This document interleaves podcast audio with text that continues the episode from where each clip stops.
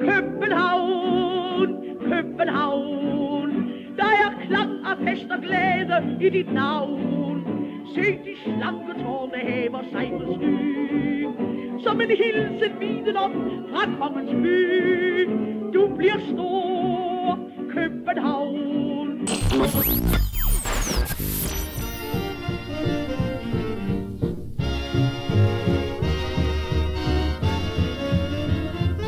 Velkommen til Absalons Radio, her hvor vi i talende stund skriver tirsdag den 23. januar i det herrens år 2023.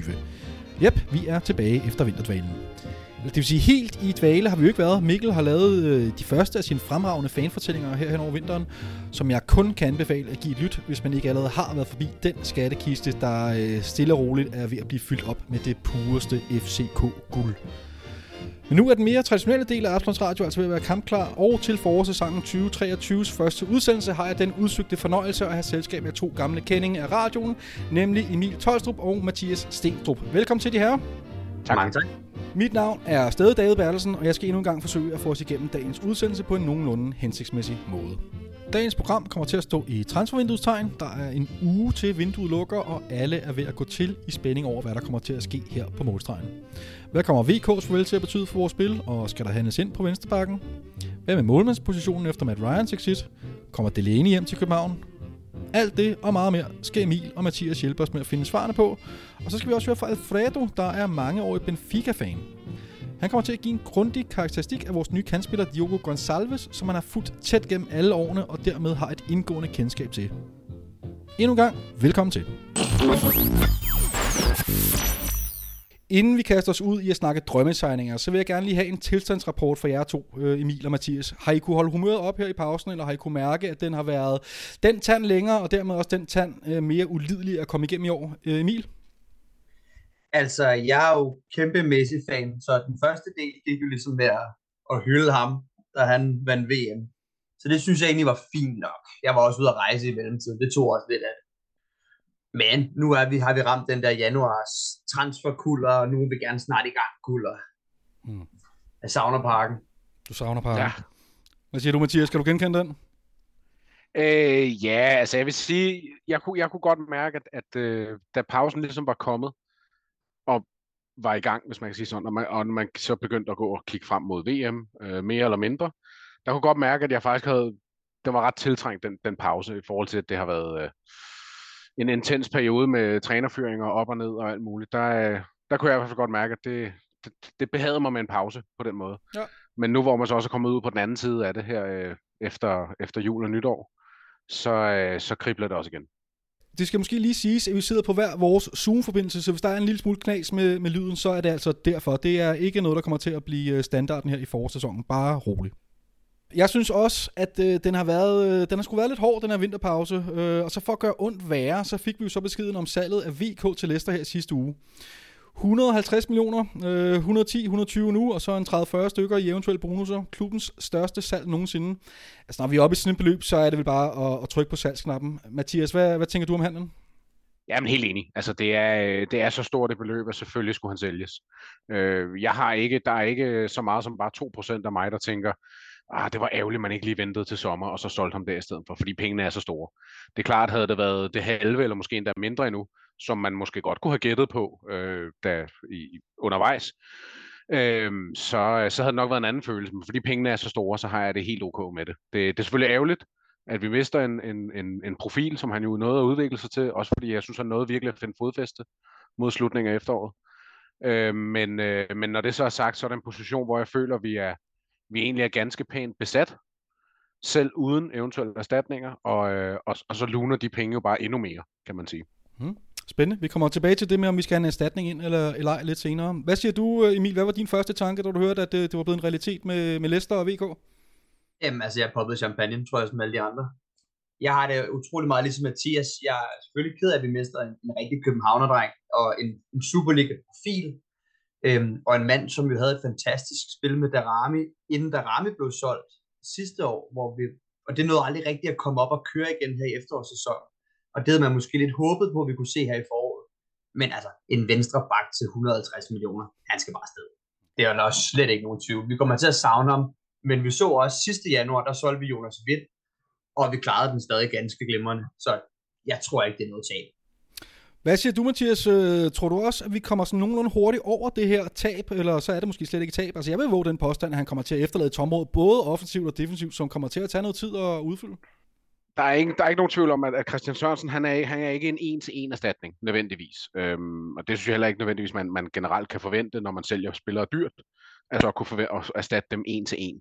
Og måske netop på grund af det perspektiv, så er jeg sådan lidt mere rolig, fordi at, som vi så med Darami, og som vi har set flere gange før, når man sælger dyre spillere, så er de svære at erstatte, fordi at du har lidt en forventning om, både fra fans side og i forhold til, hvordan du spiller, øh, spiller spillet, altså hvordan holdet spiller, så er man nødt til at have en spiller af en vis kvalitet ind. Og der er det lidt en, en unormal situation, i og med at vi står med en vensterbak nu, Christian Sørensen, som ikke har de samme af VK's spidskompetencer som pakke, øh, som en samlet pakke, men de spidskompetencer, hvis han rammer sit topniveau, så kan det blive rigtig, rigtig godt i København her i foråret. Så på den måde, der føler jeg godt, at vi, jeg vil være tryg ved, hvis han fortsætter som vores første valg øh, her i foråret. Så, øh, så kan man begynde at snakke om, vi, om vi er tilstrækkeligt dækket som backup, men generelt som, som første valg, hvis han er første valg i foråret, så er jeg egentlig tryg ved det. Fordi det giver os, altså det giver os jo endnu mere dødboldstyrke, det giver os noget indlægsstyrke, det giver os noget, nogle langskudsmuligheder, vi ikke har haft før. Nu ved jeg godt, VK så slutter af med at score efterårets eneste mål uden for feltet, men, øh, men alligevel, du kan ikke være en lille smule nervøs for, for hvad skal sige, Christian Sørensens øh, niveau. Der er jo ikke nogen tvivl om, at øh, han har jo. den her fantastiske indlægsfod videre, men det er jo begrænset, hvad vi har, hvad vi har set til ham her i den hvide trøje i hvert fald. Ja, jeg er helt enig, og, og det er der også, man kan sige, min, min nervøsitet omkring Christian Sørensen, den består så nok mest i det defensive. Der har jeg ikke helt indtryk af nok, jeg har ikke set ham nok, hverken hos os eller og slet ikke hos Viborg, Nej. til at vide, hvor stærk er han egentlig på det, i det defensive. Ja, Men jeg har bidt mærke i, at han selv har i tale sat, at hans defensiv er hans, hans, en af hans, hans svage punkter, i og med, at han jo ikke er en naturlig forsvarsspiller. Øhm, men hvor svagt det er, det har jeg faktisk ikke lige helt et umiddelbart, øh, svagt, det lyder måske så hårdt, men altså, hvor, hvor store manglerne er i det defensive, det, det har jeg faktisk ikke helt et, et fuldstændig overblik over. Øhm, han er jo, det er jo egentlig lidt sjovt med Christian Søren, fordi han er jo næsten sådan lidt en gammeldags sydamerikansk bak, der har nogle af de der ekstra x-faktor kompetencer, men som måske ikke har forsvaret som sin stærkeste styrke. Mm en rigtig Marcelo. Ja, ja, præcis. Men, altså, Roberto Carlos og sådan noget. Ja, eller for eksempel. Men jeg, jeg tror faktisk ikke, det bliver det største problem. Vi skal jo måske bare ændre den måde, vi spiller på i venstre siden i forhold til, hvad mm. vi havde med VK. Hvor ja. han var måske lidt mere en, en damtrumle, der bare kom, eller en, hvad det, en Duracell-kanin, så er VK, os lyde af Christian Sørensen måske lidt, eller en, en Lutte-model, som der jo også har snakket om, vi skulle hente igen hvor vi kan få mm. lidt mere afvækstning, lidt, ikke lige så meget dynamik, men måske nogle tidligere indlæg og en, en lidt bedre indlægsfod, end VK måske har. Jeg tror bare, det handler om at ændre, eller hvad det, ændre spillestilen i forhold til dem. Om, om man kan sige tilføjelse til det, når det nu er Darami, der ligger foran. Darami, han virker til at behage sig bedst ved at lægge sig helt ud på kanten, når han får bolden, og så øh, eksplodere derfra og skabe sine udfordringer. Øhm, og det giver jo, det åbner jo op for, at venstrebakken bag ham også skal kunne trække lidt ind i banen og, og ligesom være en spilstation lig, længere inde i banen, eller det, som jeg har lært mig, at øh, de kalder de halvbrede kanaler, øh, i stedet for at være sådan en, øh, en klassisk bak, der bare står ude på kridtet. Øh, så, så det taler også lidt i Christian Sørensens fordel. Øh, at, at der, der synes jeg egentlig, at han, han har fine styrker i, i spillet i fødderne øh, og kan, kan være med på den del. Men okay, men så lad os bare tage den nu her, fordi altså, det, det lyder næsten på, på jer begge to, som om, at der er enighed om, at øh, der er ikke behov for at gå ud og, og købe en venstrebakke øh, i det her vindue, eller hvad? Øh, det synes jeg så, der er. Det sagde okay. jeg så heller ikke. Nej, okay, altså jeg, jeg, det, det jeg mener, det er, at, at, at hvis man nu henter en vensterbak, som er, lad os sige, et, det kan være, at han er et ung talent, øh, en af de her talentkategorier, den her U21, U22, som vi har hørt tale om i forbindelse med strategien, hvis man nu henter en der, som ikke nødvendigvis er tiltænkt at være startopstilling nu, men som skal vokse ind i det i løbet af et halvt eller et helt, eller måske endda halvandet år. Øh, det vil jeg være tryg ved, hvis man gjorde det. Altså forstå på den måde, jeg har ikke behov for, at, at man skal hente en, en startopstillings start 11 vensterbak ind. Nødvendigvis. Er det også det, du tænker, Emil? Ja, jeg synes, jeg er meget enig. Det gør jo selvfølgelig ikke noget, hvis man henter en, en kvalificeret og rutineret vensterbak, der er på profilniveau for Superligaen. Enig. Men vi kunne sagtens nøjes med en ung upcoming stormer, alle VK, der han trådte frem, og så kunne Christian Sørensen være, være the main man i, lad os bare sige et år til et halvandet, to måske. Ja. Det tror jeg ikke vil være noget problem. Han vokser jo også i rollen i at dagligt at træne og spille kamp på så højt et niveau, som han gør. Mm. Jeg tror også, vi ser en bedre Christian Sørensen, og nu har han jo også lige blevet far, så der er jo også noget ro på bagsmækken. Mm. Det skal man også have med i overvejelse. Der har været nogle småskader. Alle de der ting. Mm, mm. Når de ikke er Mm. der, så tror jeg også, vi får en, en bedre udgave af ham. Og en kontinuerlig spilletid selvfølgelig også. Enig. Men Lad os bare lige øh, holde lidt fast i det her ene konkrete navn, som er, som er på banen, Augustinsson. Uh, han er udlejet fra Sevilla til Aston Villa, der netop har forstærket sig på, på vensterbakken. Og ifølge Birmingham Mail, så vil Aston Villa opsige aftalen med, med Augustinsson nu. Det betyder, at vi jo kan starte forhandlingerne med, med Sevilla. Er, er det... Øh, hvad siger I til den? Er det, er det et no-brainer, eller, eller er det lidt for meget det der med at hente gamle en, spillere En hjem? god pakkeløsning, man kan lave med dem. Der er en anden, vi også godt kunne tænke os fra. Ja, præcis. Så snak, øh, så altså, et eller andet sted, ja, så er det jo en no-brainer, fordi han er, en, han er 29, han er bundrutineret, han har spillet på nogle store adresser, siden han forlod os. Han er nok ikke blevet en dårligere spiller. Om det er det, han har lyst til, det, det tror jeg ikke, der står skrevet nogen steder. Men altså, det er helt klart en mulighed, hvis man mm. banker hårdt på og siger, vi vil det her, vi vil dig. Så tror jeg godt, man kunne lokke ham. Også fordi han står i en situation, hvor at det ikke det er nok ikke transferen mellem os og Sevilla, der kommer til at blive det store problem. Nej, Øh, der kan selvfølgelig komme noget på lønnen, det er klart. Øh, altså, og når det så er sagt, jeg vil sige, jeg, jeg er en lille smule mere tilbageholdt med det, men det er fordi, at jeg har indtryk af, uden overhovedet at kigge detaljen på det, så har jeg indtryk af, at han de sidste to, halvanden, to, måske tre sæsoner har, har kæmpet lidt med nogle skader. Øh, og det vil jeg være lidt nervøs over at hente ind. Øh, på den måde, fordi han jo formodentlig vil blive hentet på, på, en, på en ret dyr aftale, tænker jeg, i hvert fald i forhold til løn og, og spil, forventet spilletid. Og dernæst, så er der også noget i omkring, at vi så vil have en, hvis ser du Lute, han er 29, så har vi en Ja, 29-årig og en 30-årig på, de to, på den samme bak. Så der er også en eller anden uha- uharmonisk i det. Øh, det behøver det jo ikke at være uharmonisk. Det kommer an på, hvordan man ser det i trupsammensætningen, men øhm, jeg tror, min, min, min forhåb... Jeg bliver ikke sur, hvis jeg henter Lutte. Det skal jeg skynde mig at, at understrege på det kraftigste. Mhm.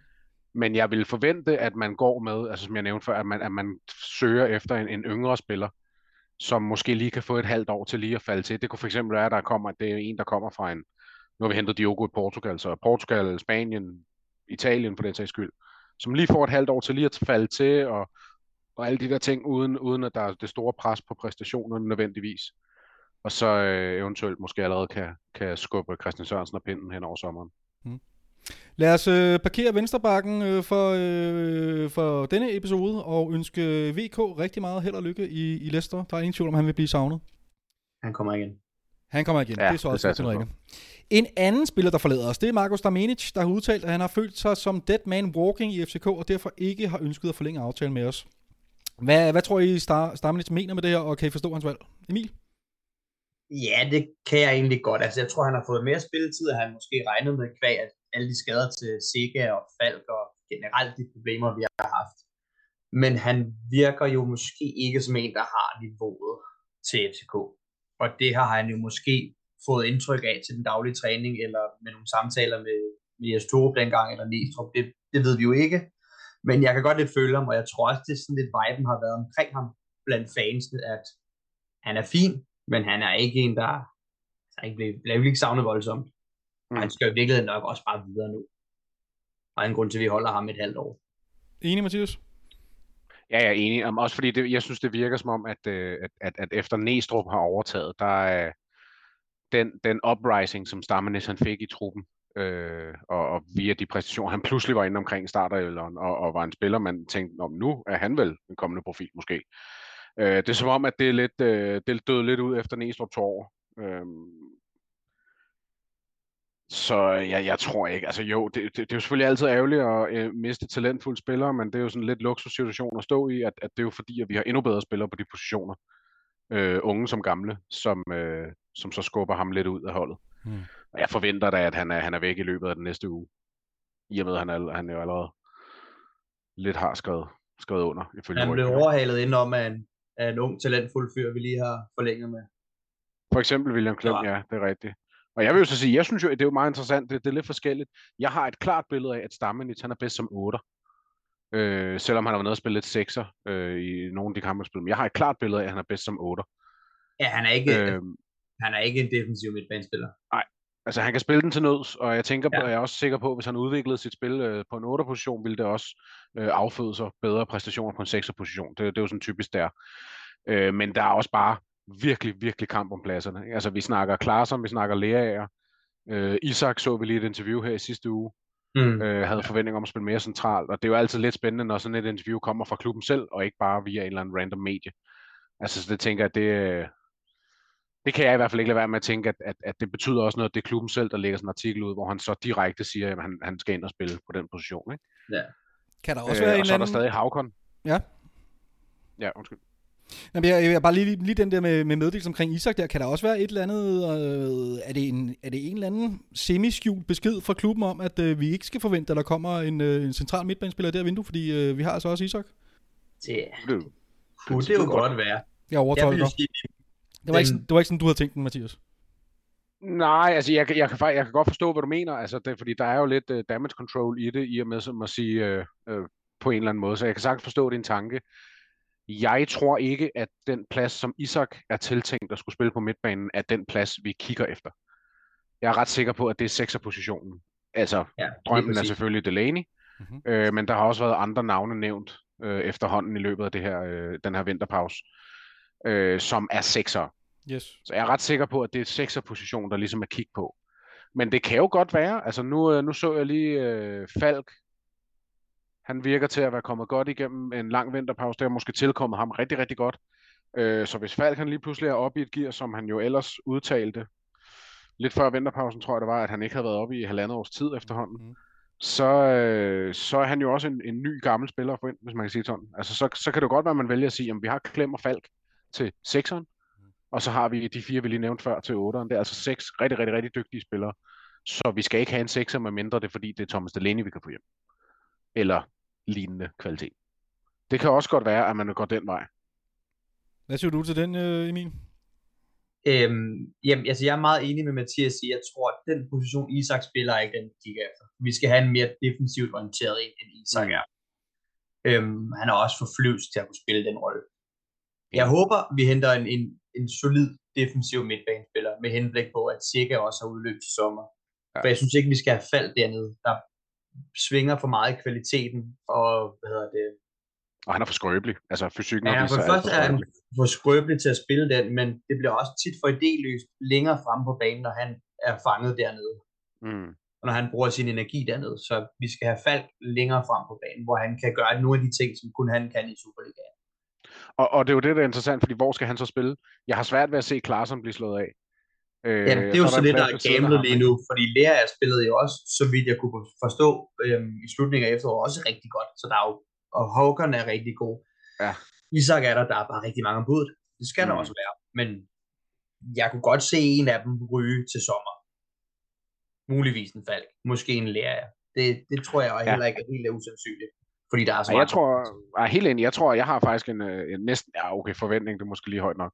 Men jeg tror også, at øh, i Falk, han kunne være sådan en. Jeg kan huske, da han forlængede sin aftale tilbage, det er jo så Ja. ja.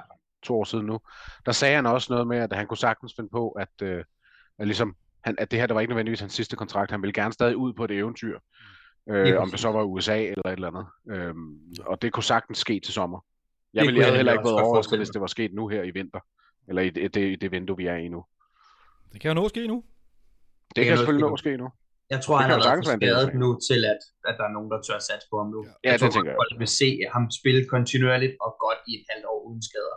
Ja, men det er en god pointe. Fordi han, han er trods alt, hvad er han, 31, 30? Ældre måske? Øh, ja, 31, tror jeg. 32, 31, 32. Han er i hvert fald 30 plus, meget Ja. skadet, og er ikke billig at hente Nej. i forhold til løn. Så jeg tror, der er mange klubber, der, der kigger lidt skeptisk på ham, hvilket kan blive hans problem. Og vores held måske. Vi har jo allerede hentet en spiller i det her vindue, som jeg vil betegne som, øh, som fra, fra en af de høje hylder. Øh, nu skal jeg nok lade være med at sige øverste hylde eller noget af den dur. Men det er da i hvert fald en spiller, fra, hvis man kigger på CV'et, som, øh, som ser rigtig, rigtig spændende ud. Diogo Gonçalves, som vi har hentet i Benfica. Øh, og for at blive lidt klogere på vores nye kandspiller, så tog jeg i sidste uge en snak med Alfredo, der har fulgt Benfica øh, hele livet, og, og dermed har øh, været førstehåndsvidne til, til Diogos udvikling fra ungdomsspiller til at blive en fast del af førsteholdstruppen. Prøv lige at lytte med her. Yeah, so my name is Alfredo. I am uh, the host of the Benfica podcast, one of the or the longest running English spoken podcast about Benfica. We're about uh, almost 500 episodes deep. What about you personally and and, uh, and Benfica? Why why Benfica? What is the connection? Yeah, so um, I was born in in Portugal. Um, I currently live in the United States, but since a, a little boy and for my family, I was always uh, big Benfica fans, and and that was easy for me just to um, to to be a fan of Benfica. But over time, and as I be, began to get a little bit more self awareness in terms of who I was as a teenager, uh, the club's values was something that I really identified with. Uh, so it was easy for me just to continue enjoying and, and liking the team uh, because there was so much about the team and the, and the values and the history of the team that I really identified with. And what were these values that uh, that you found so appealing? Yeah, so Benfica has always been a, a working class club, um, very very ethical.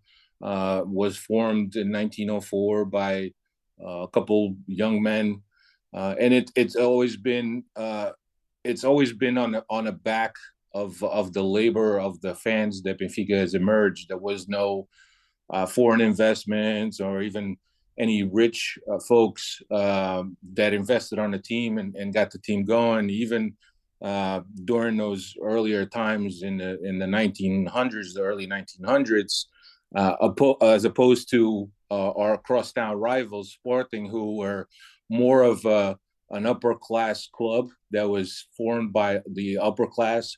So Benfica has always been a, a point of um, where the the working class and, and and the regular guy has always been been able to identify with the club because those were the club's uh, founding uh, pillars, if I could say hmm. that.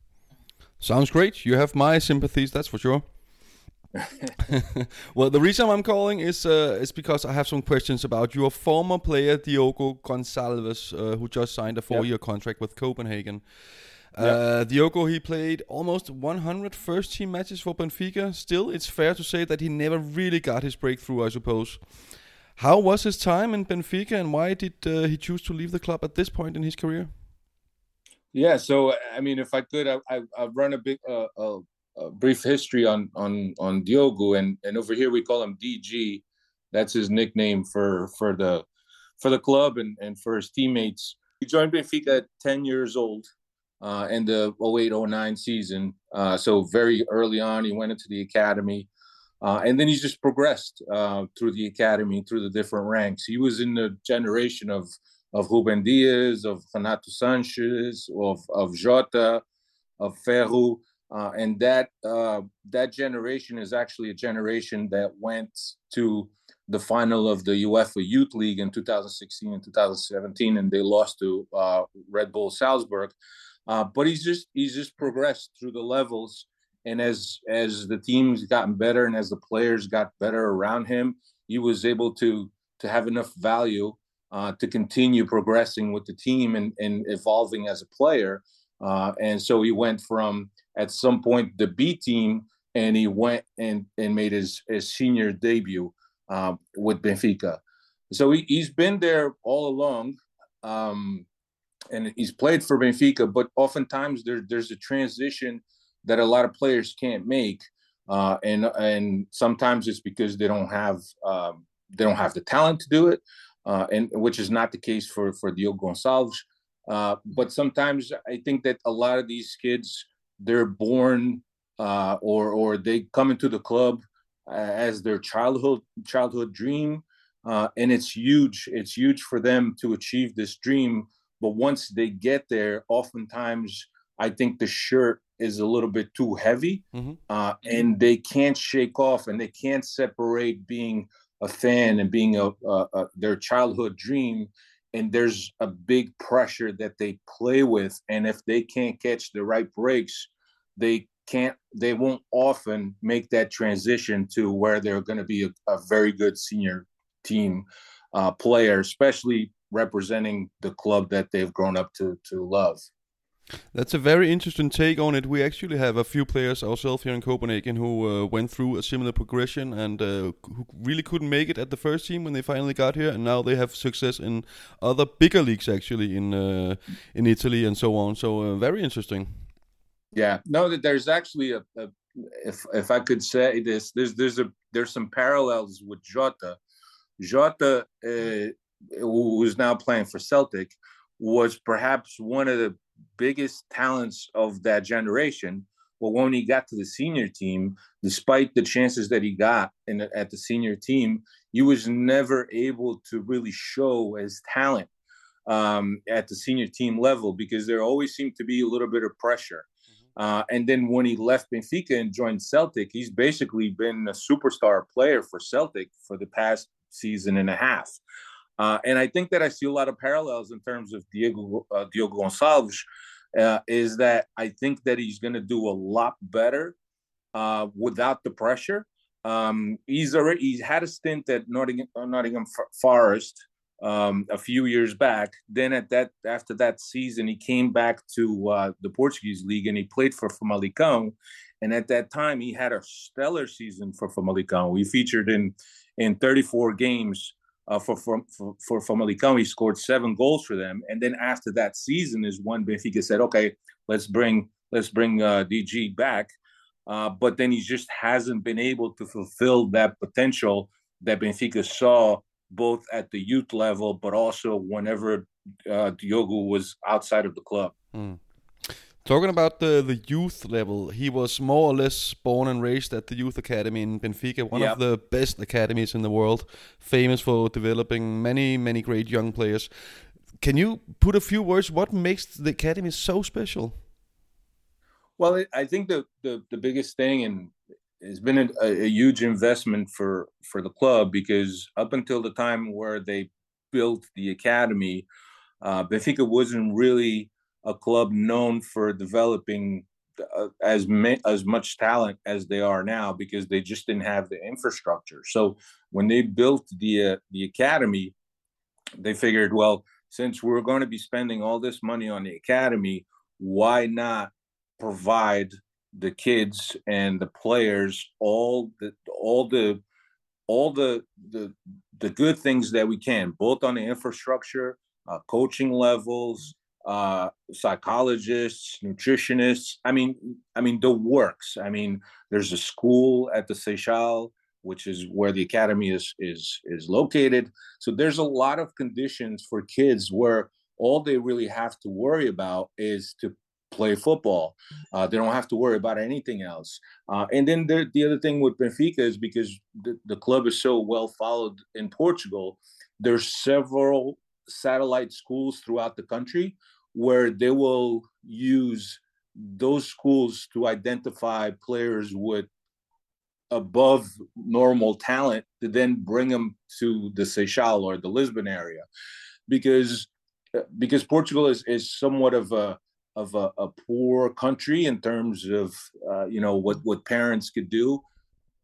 Benfica figured okay if parents can't bring kids down to the Lisbon area for them to try out let's set up these these schools all over the country because it's a lot closer for them to go there.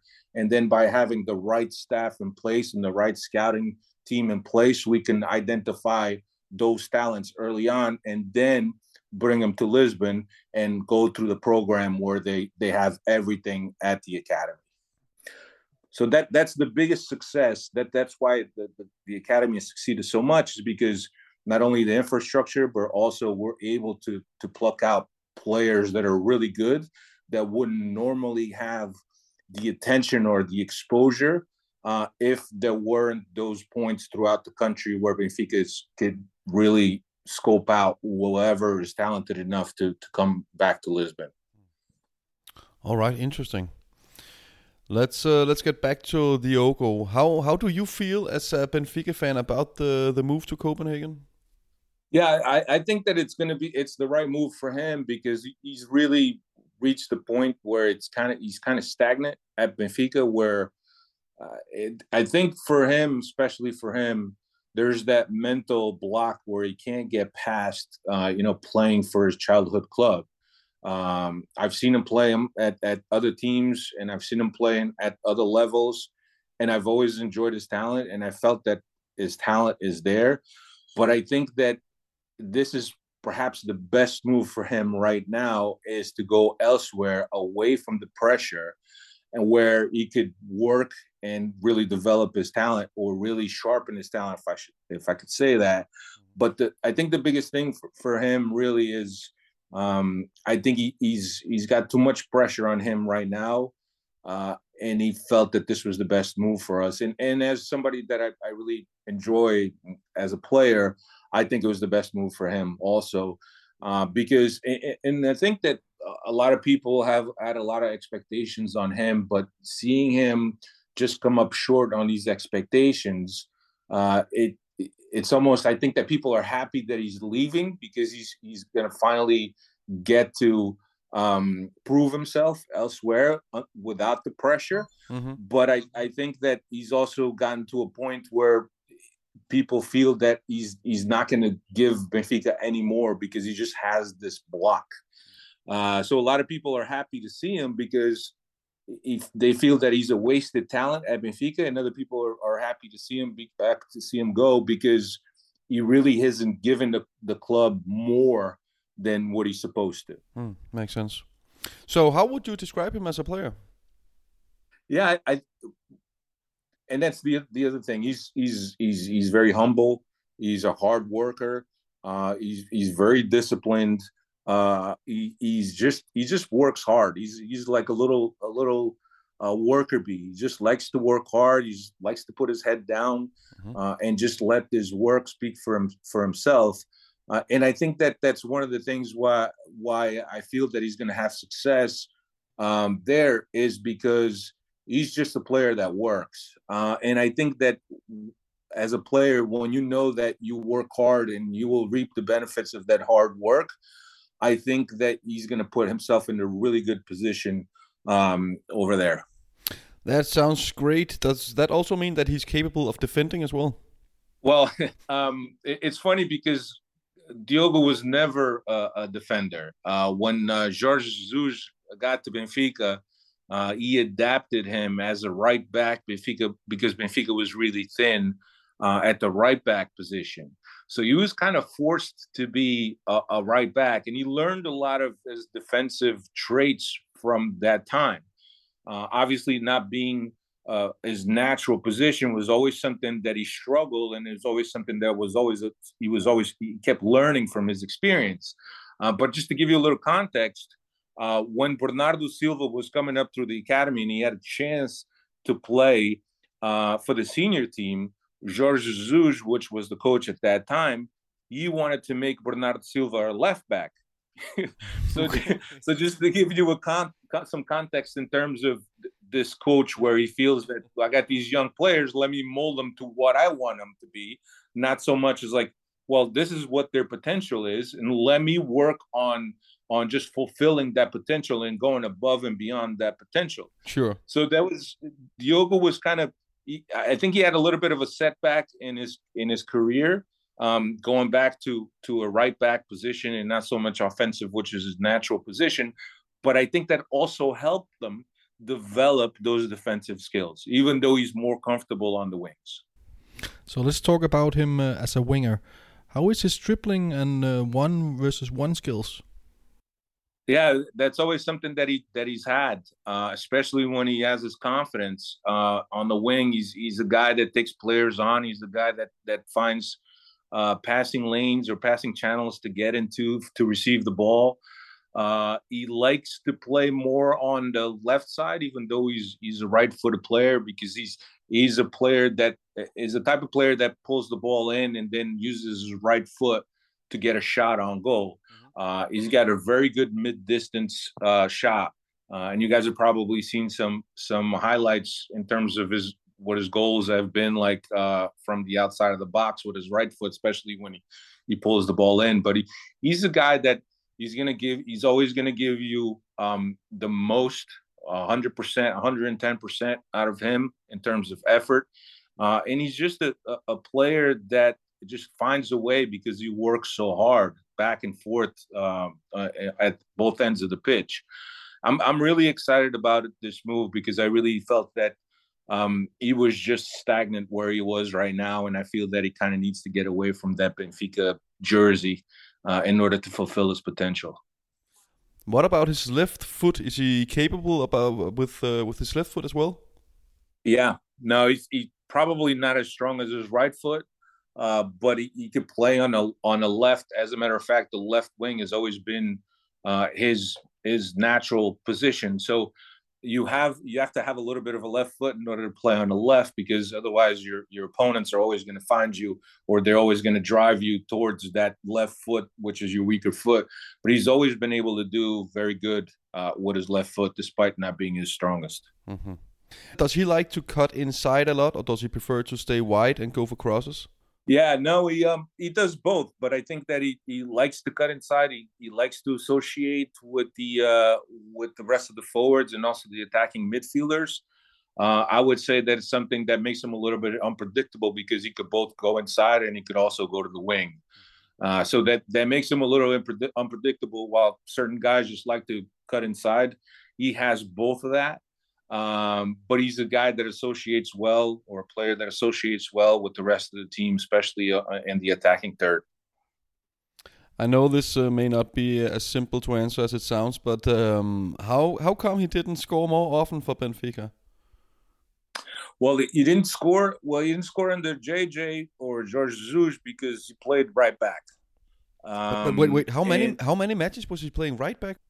So right back, let me. I've just. I wrote some notes here. Uh, so he he played 31 games, or he featured in 31 games, and he played and he scored two goals mm-hmm. within so, that. As a right back, and, and I think, yeah, it's it's it's it's very hard to to score goals as a right back, as you can imagine. Sure. Uh, but I think that especially this last year, he's been uh, a player that's featured a lot off the bench uh, and really hasn't had um, that that prominent featuring um, that the coach wanted from from him. So he's been more of an associative player rather than a player that makes a difference in terms of scoring goals. Sure. If that makes if that makes sense, and and that's the reason why he hasn't produced more goals. But he's got goals. He got he has goals in his feet uh, is just I think oftentimes it's it's what's been asked of him and what his role has been uh, that's kind of it, it's helped it's kind of kept him from from having more opportunities in front of goal. Mm-hmm. What about his mentality?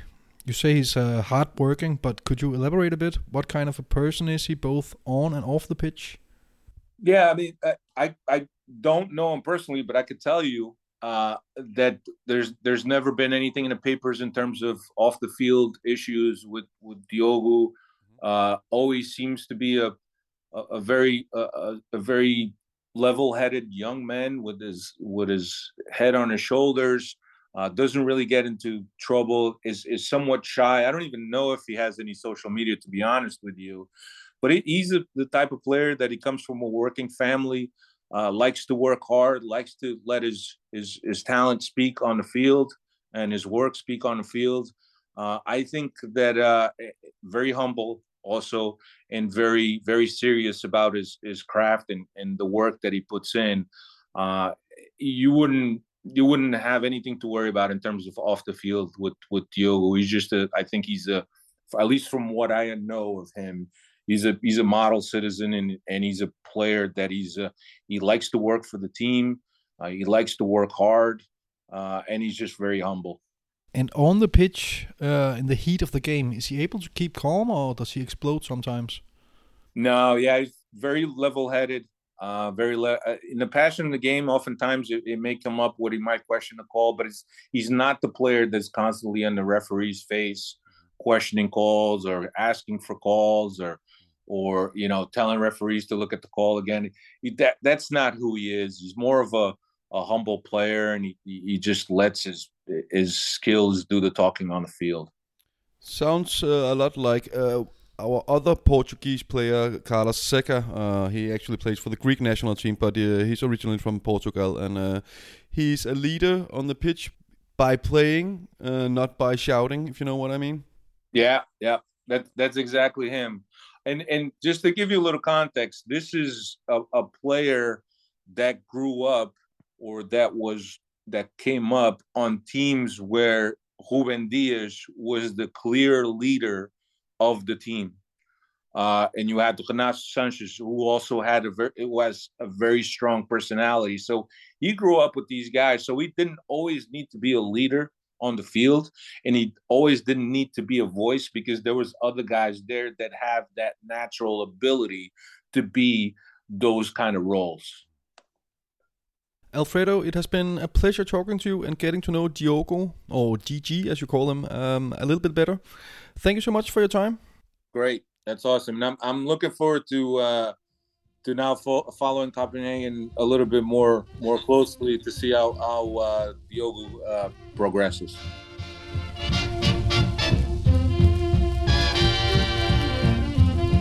Kan du lide det, vi laver her i Absalons Radio, er der nu mulighed for at støtte os økonomisk.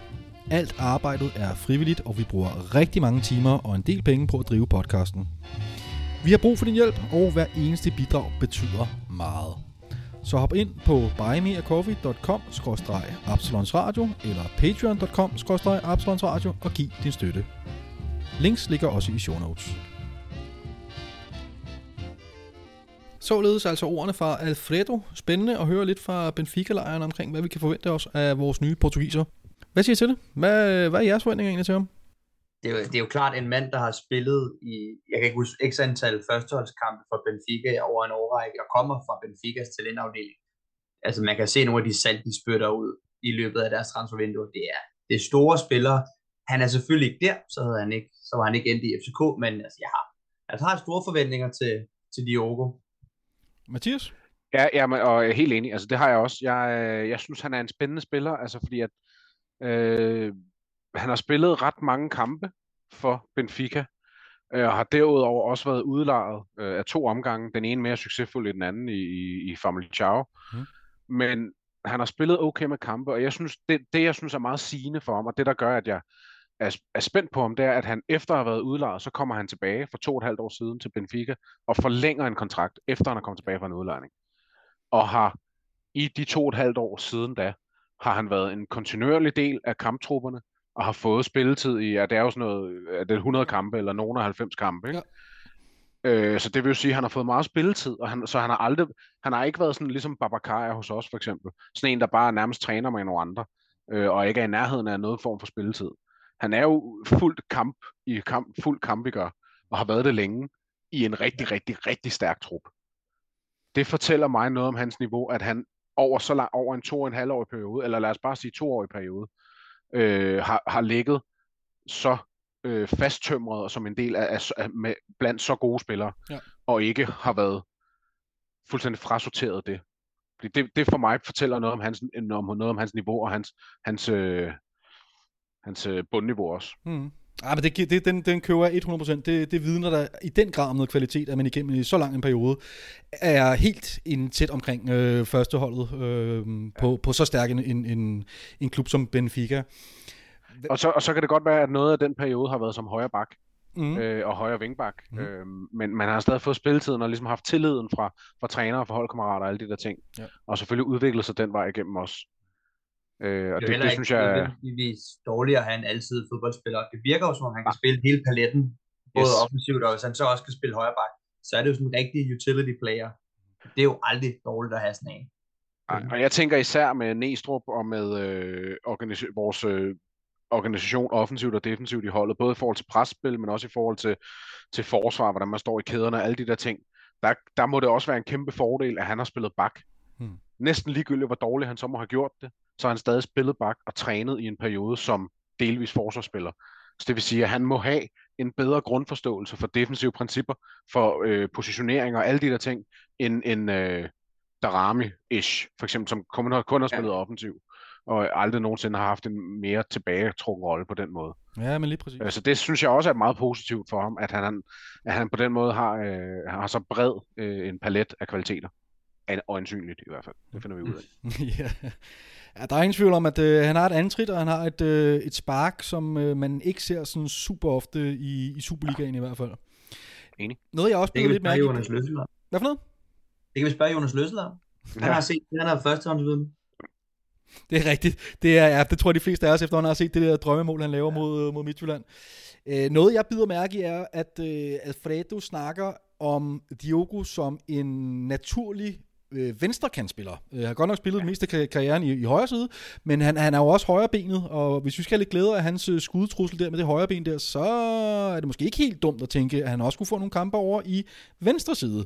Hvad tænker I? Er han købt øh, til højre siden, er han købt til venstre siden, er han købt lidt til at spille der, hvor der lige er plads til ham på den pågældende øh, dag?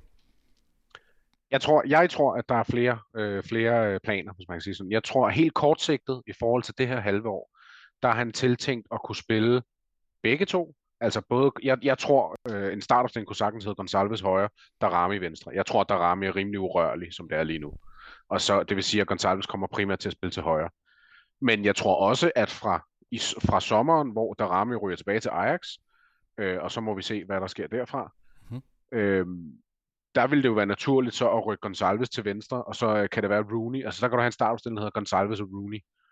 Øh, de to. Og så kan det være, at man køber en tredje ind til at, til at danne den trekløver, eller man har Havkon, eller Nora Sasa, eller hvad vi ellers ligger og ruller med af forskellige spillere.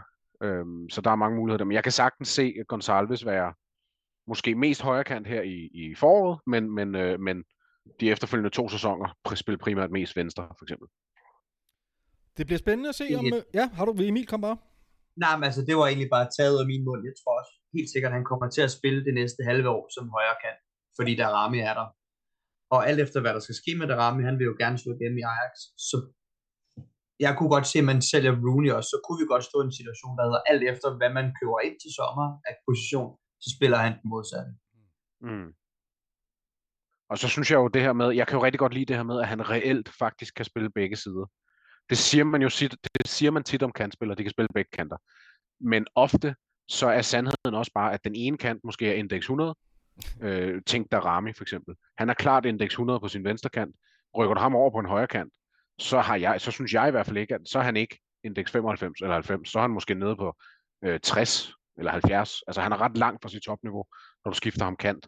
Hvor der har jeg indtryk af, at Diogo han har så bred palet af kvaliteter, både i forhold til indlægsstyrke og småspil og alle de der ting og hurtighed, at han kan tilpasse sig hver sin kant og faktisk øh, præstere, præstere rigtig godt på begge to. Og det synes jeg er, øh, fedt fremadrettet. Det bliver spændende at se, om øh, PC har ramt plet. Umiddelbart så øh, kan jeg vel godt på, på vegne af os tre herinde sige, at vi synes i hvert fald, det, det ser rigtig spændende ud med, med Diogo. Enig. Det gør det uden tvivl. Godt. Øh, ja, men så lad os øh, hoppe til det, som øh, optager rigtig mange netop nu. Hvad kommer der til at ske i løbet af transfervinduets sidste uge? Mathias, hvad tror du, PC arbejder på netop nu, as we speak? Og netop nu, jamen jeg tænker, at netop nu så arbejder han på øh, en målmand, en vensterbak. altså jeg, jeg tror, han arbejder på fire positioner. Ja. Øh, og det er jo svært at sige, jeg, jeg tror ikke, det fungerer sådan, at han tager en af gangen. Så jeg, tæ- jeg går ud fra, at man ligesom er i gang med, med alle sammen samtidig. Jeg gætte, hvad det er for øh... Øh. nogle, du har, de fire der? Det må du meget gerne. Er det en vensterbak, en centerback, en central midtbanespiller og en angriber? Nej. Okay, spændende.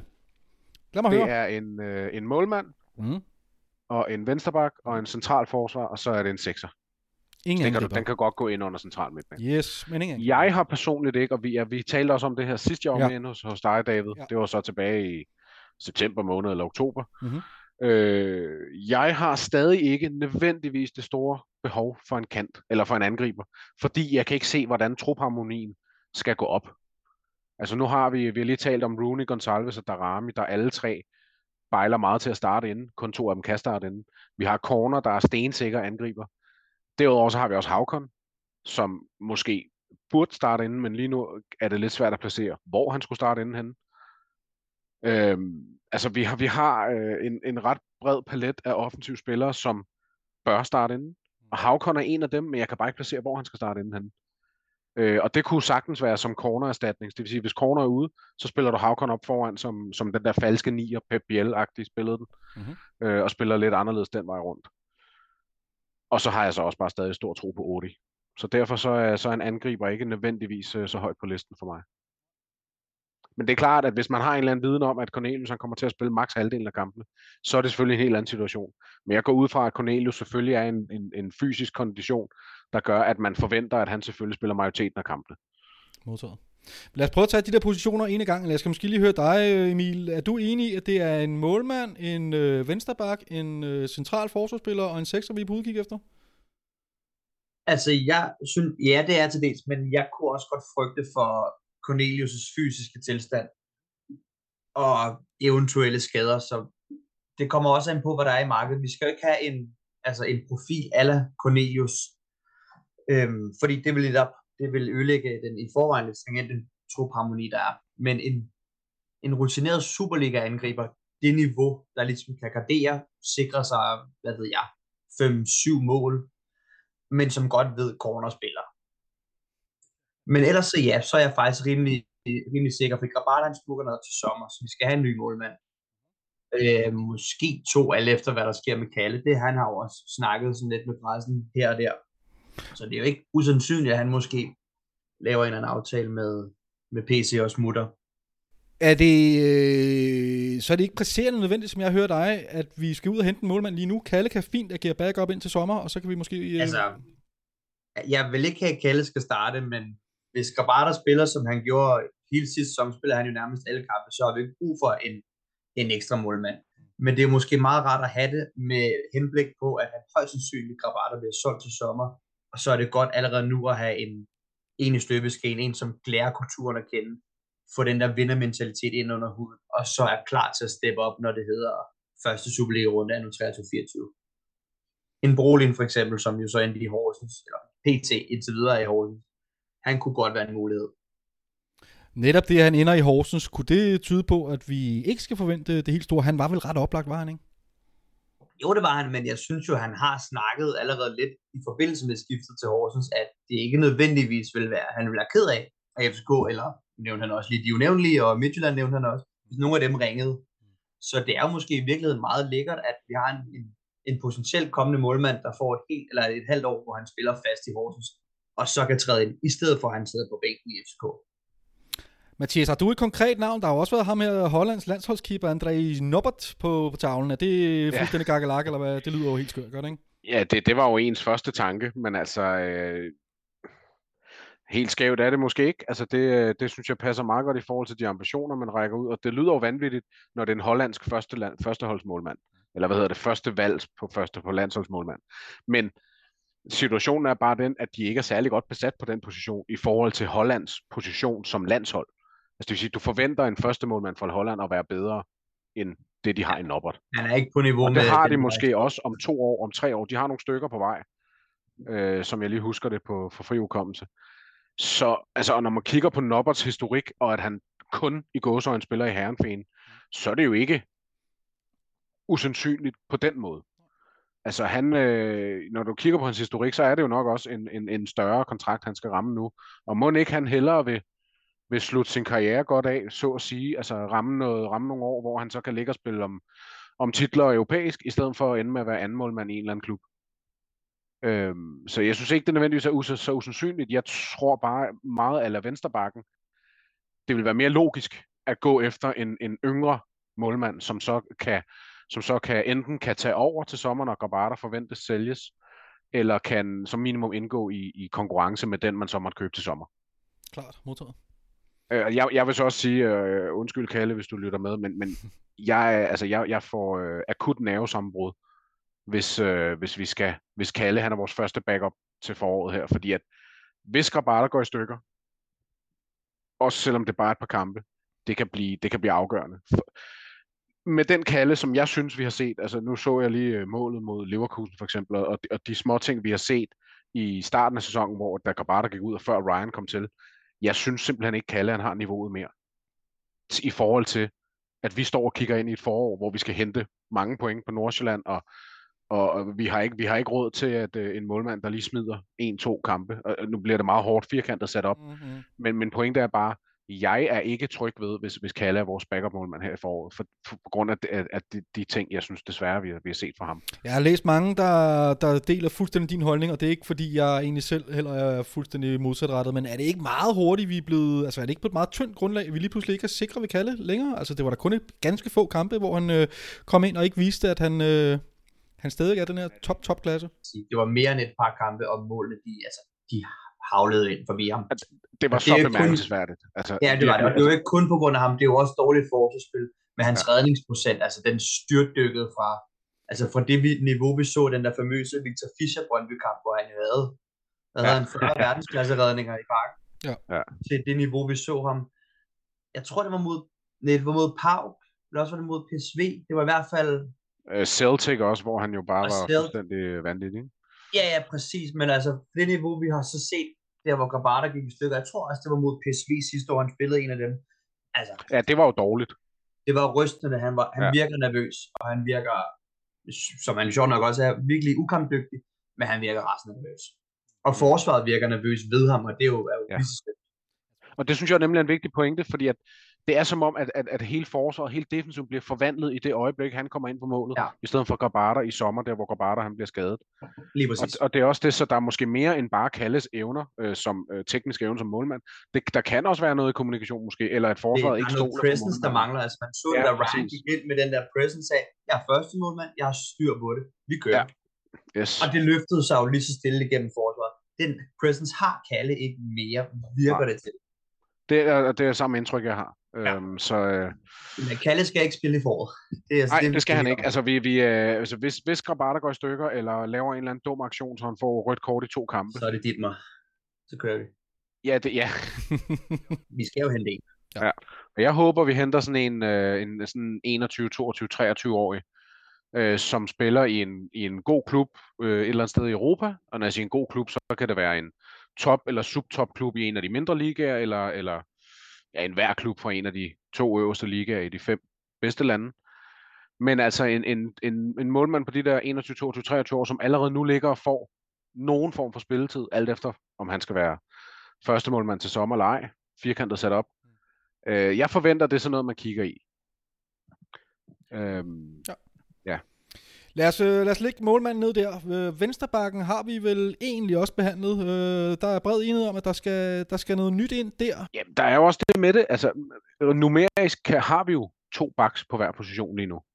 Altså, numerisk kan vi jo stille Christian Sørensen og Jelert på den ene, og Dix og Ankersen på den anden. Mm-hmm. Det skaber så bare det næste problem, at øh, hvis vi ikke henter en centerforsvar, så er Dix lige nu fjerde valg i forsvaret. Og det kan han jo selvfølgelig ikke være, hvis han samtidig er øh, så, så, så, øh, så, så vigtig en mand på bakkene for, i forhold til bakbemandingen. Så der skal minimum enten en vensterbak eller en centerforsvar ind, som jeg ser det. Medmindre der kommer en eller anden flyvende op fra akademiet, som, som man ikke engang havde regnet med, fordi han ikke var med mod Leverkusen. For Ja, eksempel. ja, ja, ja. Hvad siger du, Øh, Emilia? Du, kører du den? Jamen, det er jeg meget enig i, for jeg tror umiddelbart også, at man kigger på en, en permanent løsning til Peter Ankersen. Og jeg tror i den grad også, at han selv gør det. Ja. Øhm, så jeg synes ikke, det er usandsynligt, at i løbet af de næste, den næste uges tid, at han, er, han spiller et andet sted. Så vi skal klart have en, en forsvarsspiller ind, om enten det er centralt eller på bakker. Okay, modtaget. Så forstod jeg i hvert fald på dig, Mathias, at du skal have en sekser ind. Øh, Emi- Emil, er du enig? Sekser? Vi skal, det, jeg synes, det eneste, jeg synes, at decideret presserende, vi skal have, vi skal have en sekser. Det er De den vigtigste vi lidt- position, som du ser det. Det er 100% den vigtigste. Det andet kan vi ligesom, som, Mathias nævner, jeg synes godt, vi kunne bruge en angriber. Vi har masser af offensiv kvalitet, in case at corner, han, han brækker benet på en skitur i morgen. Mm. Det kan løses ja. på andre måder. Bakkerne, det centrale forsvar, kan løses på andre måder.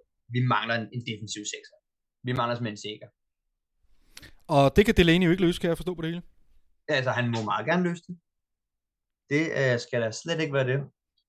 Men hvis vi henter Delaney, så ser du også gerne, at vi henter en sekser. Er det sådan? Nej, nej. Nej, Altså, okay. Delaney tror jeg skulle være tiltænkt i hvert fald i det halve år, vi ser frem mod nu, en en defensiv rolle. Som en holding midfielder. Jamen, jeg er meget enig. Uh, altså, det er, jeg synes, uh, jeg synes uh, Emil skitserer det rigtig fint. Det er nemlig det, det er den mest presserende position, når vi snakker i forhold til startopstillingskvaliteten. Ja. Uh, og det siger jeg med al respekt for uh, William Klem, for jeg synes virkelig, virkelig, han er god, og han ser enormt spændende ud.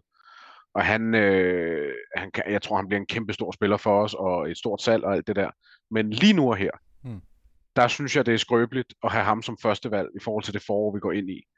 Med, med tanke på, at backupen til ham lige nu, det er en Rasmus Falk, som vi talte om tidligere, som der er alle mulige spørgsmålstegn ved. Øh, og ellers så er det Lea er ude af position, eller Isak ude af position. Det er de bedste alternativer, vi har til den sekser lige nu. Og det er alt, alt, alt for skrøbeligt. William Kvind, altså William Kvind, han er, han er kommende FCK-anfører. Det tror jeg ikke, der er, hvis han Ja. bliver så længe. Det er, det er det eneste, der holder ham for at blive FCK-anfører. Ja. Jeg synes, han har alle tegningerne til det. Fuldstændig Men enig. han er ikke starter til et hold, der skal jagte Nordsjælland og vinde guld. Og pokalen måske også. Ikke på den måde, nej. Det, Ikke på den øh, måde, der nej. synes jeg Det også. kan Altså, han kan, han, han skal nok komme til at starte nogle kampe, men, men det er for, det, jeg synes, det er for meget at lægge det hele på hans skuldre. Han kommer til at spille, helt klart kommer til at spille en rolle i, i det forår, vi går ind i. Men mm. han, han skal ikke starte ind på den sekser. Nej, men jeg, jeg synes jo til gengæld, at man kan snakke om, at han er et godt billede på, hvilken retning, som det ligner, man gerne vil have sekseren i. Uh, vi har jo set det lidt de sidste ja, to år efterhånden, ikke? Med, uh, med Falk lidt nede, og så lidt Sækker og lidt forskelligt. Ja. Men jeg synes jo, han er et godt bevis på, at, at, at vi skal... Det er også vigtigt, at vores kommende sekser, at de kan spille. Altså, de skal kunne spille mere med bolden og indgå mere i spillet, end, end Carlos Sækker for eksempel kan. Uh, det har jo været Sækkers store uh, problem længe, kan man egentlig sige. Øh, og der, der er jeg ret sikker på, at den type, man leder efter, det er en, der er bedre i spillet også, så man, så man har bedre nemmere ved at bygge op nedefra, end, øh, end, end med Sækker. Der er det klart eksempel, altså en, en Andrea Pirlo Juventus, den måde han spillede den på. Ja, ja, lige præcis. Altså sådan noget der, ikke? I, øh, i så øh, proportionelt tilpasset det ligaens kvalitet. og det var, det var faktisk noget af det, jeg synes, der var så fedt med Rasmus Falk, da han startede med at spille den i, øh, for det er jo så ved at være et år siden nu. Der kom, der, der kom det jo netop det der, øh, det var ude mod PSV og hjemme mod Randers, som ligesom var de bedste eksempler på det. Ja, Der var der jo netop de der kampe, hvor at vi bare rev modstanderens pres fuldstændig fra hinanden, fordi vi hele tiden havde det der punkt inden centralt på midtbanen, bindeled mellem forsvar og midtbanen. Og kan du, kan du skabe det i lidt mindre grad, men stadig, øh, stadig øh, øh, konceptet i, at du har en spillende midtbanespiller derinde i det rum, det betyder så meget. Øh, og det tror jeg virkelig er noget, man, øh, vi, vi kommer til at se mere af fremadrettet. Har I øh, flere kommentarer, hvad angår den sidste uge her af, af transfervinduet? Ja, der er vel også nogen, der skal ud. Snakke noget udgang, ja. Ja, præcis. Vi kan ikke blive ved Eller med det kan man jo håbe. Det er vel de the usual suspects, har jeg lyst til at sige. Øh, Babacar bliver der arbejdet på. Spezia skulle være interesseret.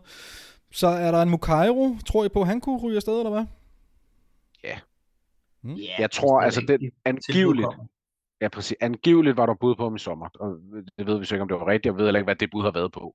Altså, det kan jo have været latterligt lavt, ikke? Mm-hmm. Men jeg er ret sikker på, at hvis der kommer et, et bud, der bare tilnærmelsesvis øh, ligesom øh, gør, at han går i nul som transfer, bare, hvis han bare er tæt på at være det, så tror jeg, at man udnytter muligheden. Selv.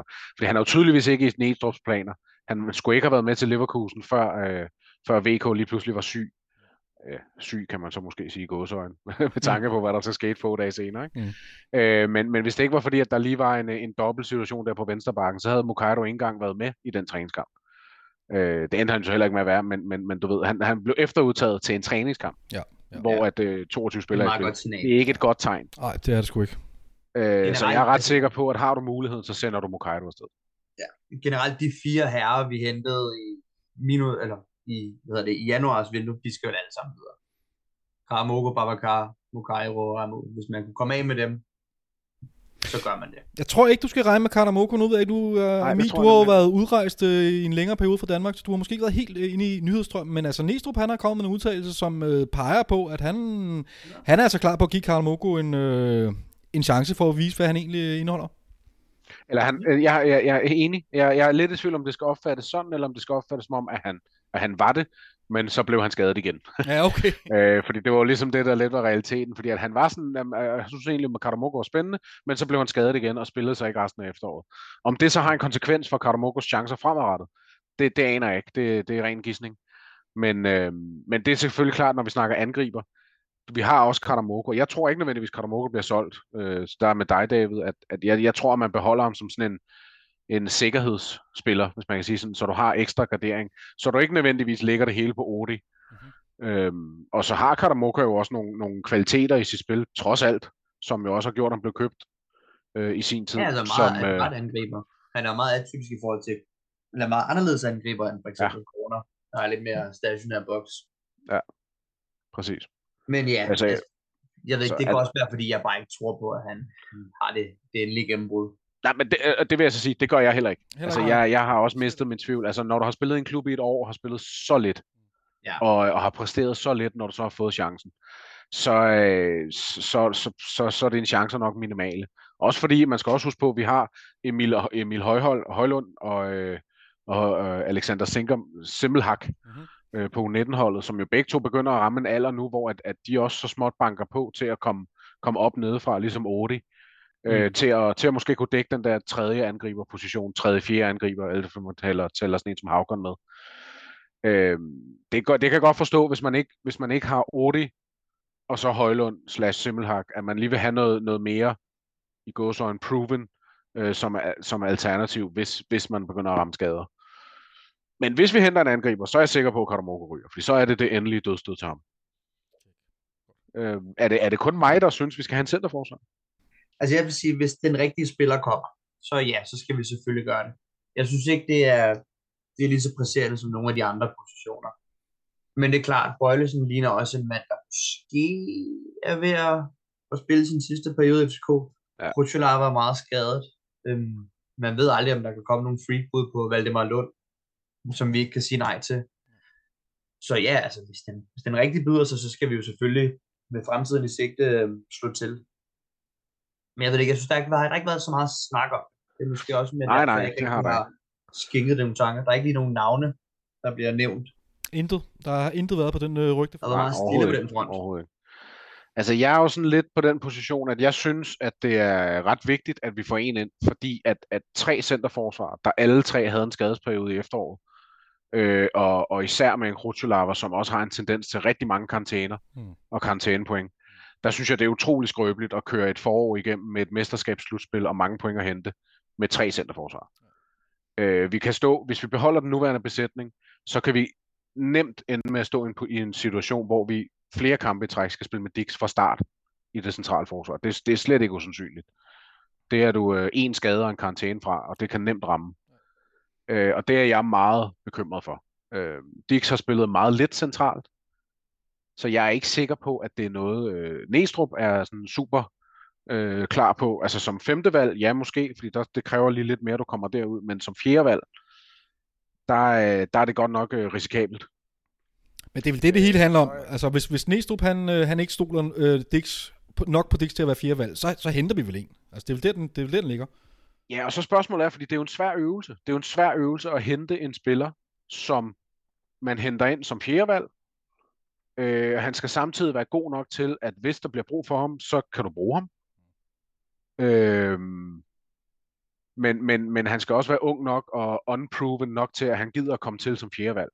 Så det er jo sådan lidt, det, det er en svær øvelse, men det har faktisk fået mig til at tænke, jo mere jeg ligesom har gået og sumpet rundt i det scenarie, jo mere jeg er kommet frem til, at jeg kunne sagtens se for mig, at, at, at man simpelthen går ud og henter en, der måske endda går direkte i en startopstilling sammen med Vavro, øh, og så ryger altså så er det simpelthen Rutschelava, der rykker ned, så, så du laver en trækløver med Vavro, Valdemar Lund, og så en ny spiller. Øh, om det så er Vavro øh, Lund, der starter inden, eller Vavro ham den nye, der starter inden. Øh, det, det vil jo så selvfølgelig variere alt efter kvaliteten af den spiller, man får ind. Men ja, jo mere jeg tænker over det, jo mere tror jeg, at det er den vej, man ender med at gå. Det vil, det vil faktisk være mit bud, at man ender med at købe en, der simpelthen skubber Rutscholava ned i hierarkiet. Øh, og til det hører det, til, med til historien, så hører det så også, at jeg ser umiddelbart Valdemar Lund lige være en my foran Rutscholava øh, lige nu og her. Øh, så derfor så er det Rutscholava, der vil blive skubbet det længere ned i, i det scenarie. Det kunne det jeg godt forestille mig. Det er en nemmere øvelse, end at skulle ja. finde, som du nævner, den her fjerde valg, så skulle det være, hvis vi har en af vores egne talenter i gemmeren. Ja, præcis. Dem Men det ser bare ikke sådan ud, vel? Altså, fordi så var der vel en af dem, der havde været med i Leverkusen, for eksempel, i stedet ja, for, præcis. at man... Uh... Det er bestemt ikke usandsynligt også. Hvor gammel er Ruth? Han er også 30 plus. Ja, ja, det er 29, 29 mener Man bliver 30, 30 lige om lidt. Ja.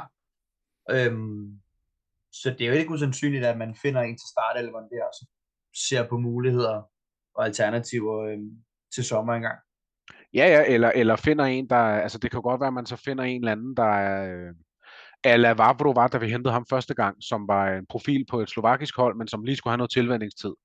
Ja. Øh, men som så efter den tilvændingsperiode, som så i det eksempel kunne være det kommende forår, og så fra sommer er, øh, har vokset sig så meget og ligesom faldet til, så er han klar første valg. Altså der, der er lidt forskellige modeller, man kan begynde at, at, at, at, at, at soppe rundt i, hvis man kan sige sådan. Øh, hvis, man tager, hvis man køber ind på scenariet om, at det kunne være Rotulava, der det ligesom går ud over i gåsøjne. Ja. Det kommer også an på, hvor trigger happy de er med alle de penge, vi lige pludselig har fået mellem hænderne. Mm. Om det kunne udløse et eller andet, om der måske sidder en spiller et eller andet sted, der lige var til 15 millioner kroner dyrere, end vi følte, vi kunne tillade os. Mm. Hvilket vi måske vil kunne gøre nu, med alle de mange penge, vi har fået mellem hænderne. Ja. Ja, og der, altså Bøjlesens skade kan godt ende med at være lidt en blessing of disguise på det punkt, fordi du er nødt til at gøre, eller som jeg ser det, så er vi nødt til at gøre et eller andet på den position. Og det kan gøre, at man ligesom bliver skubbet ud i, når hvis vi alligevel skal gøre noget, så kan vi lige så godt gøre det ordentligt, og så køber vi en ind, der, altså, som simpelthen forbedrer vores hold, i stedet for bare at lappe et hul. Ja.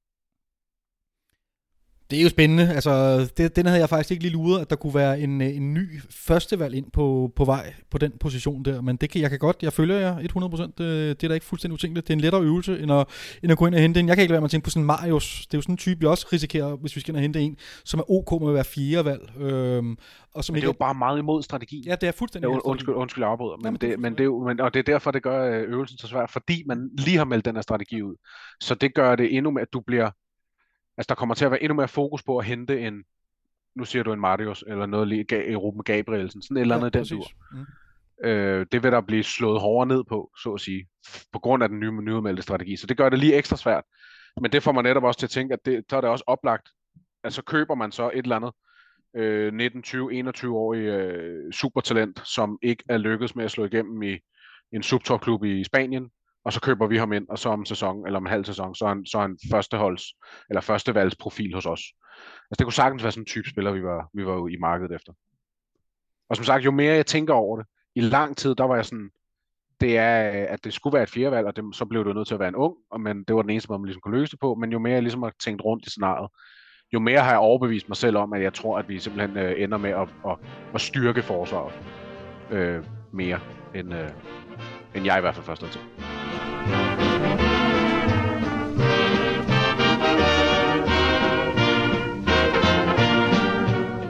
Her til sidst kunne jeg godt tænke mig at stille jer et par spørgsmål, som går mere generelt på forventningerne til forårssæsonen. For det begynder så småt at dufte af fodbold i parken igen. Forleden fik jeg en mail fra FC København, som gav mig kuldegysninger, selvom jeg har fået en lignende mail øh, et utal af gange før. Denne gang var det bare som om den var lidt særlig. Der stod, Kære David, i takt med at januar nærmer sig sin afslutning, begynder der også så småt at være lys for enden af den meget lange tunnel, som vinterpausen i denne omgang har udgjort. Derfor er det også snart tid til, at du gennem dit billetabonnement på sektion 12 skal hente billetter til vores hjemmekampe. Og når først vi starter, ligger kampene rigtig tæt. Første gang, du skal hente billet gennem dit billetabonnement, er tirsdag den 7. februar, hvor vi kl. 10 åbner op for, at du kan hente billet til hjemmekampen mod OB. Og så en masse praktisk information, men de linjer der er ligesom det endegyldige bevis på, at om et øjeblik, så står vi alle sammen herinde i parken. Mathias, du har været lidt inde på det, men kan du ikke lige prøve at sætte et par ord på, øh, hvordan du ser frem mod at skulle til fodbold i parken igen? Om jeg glæder mig da.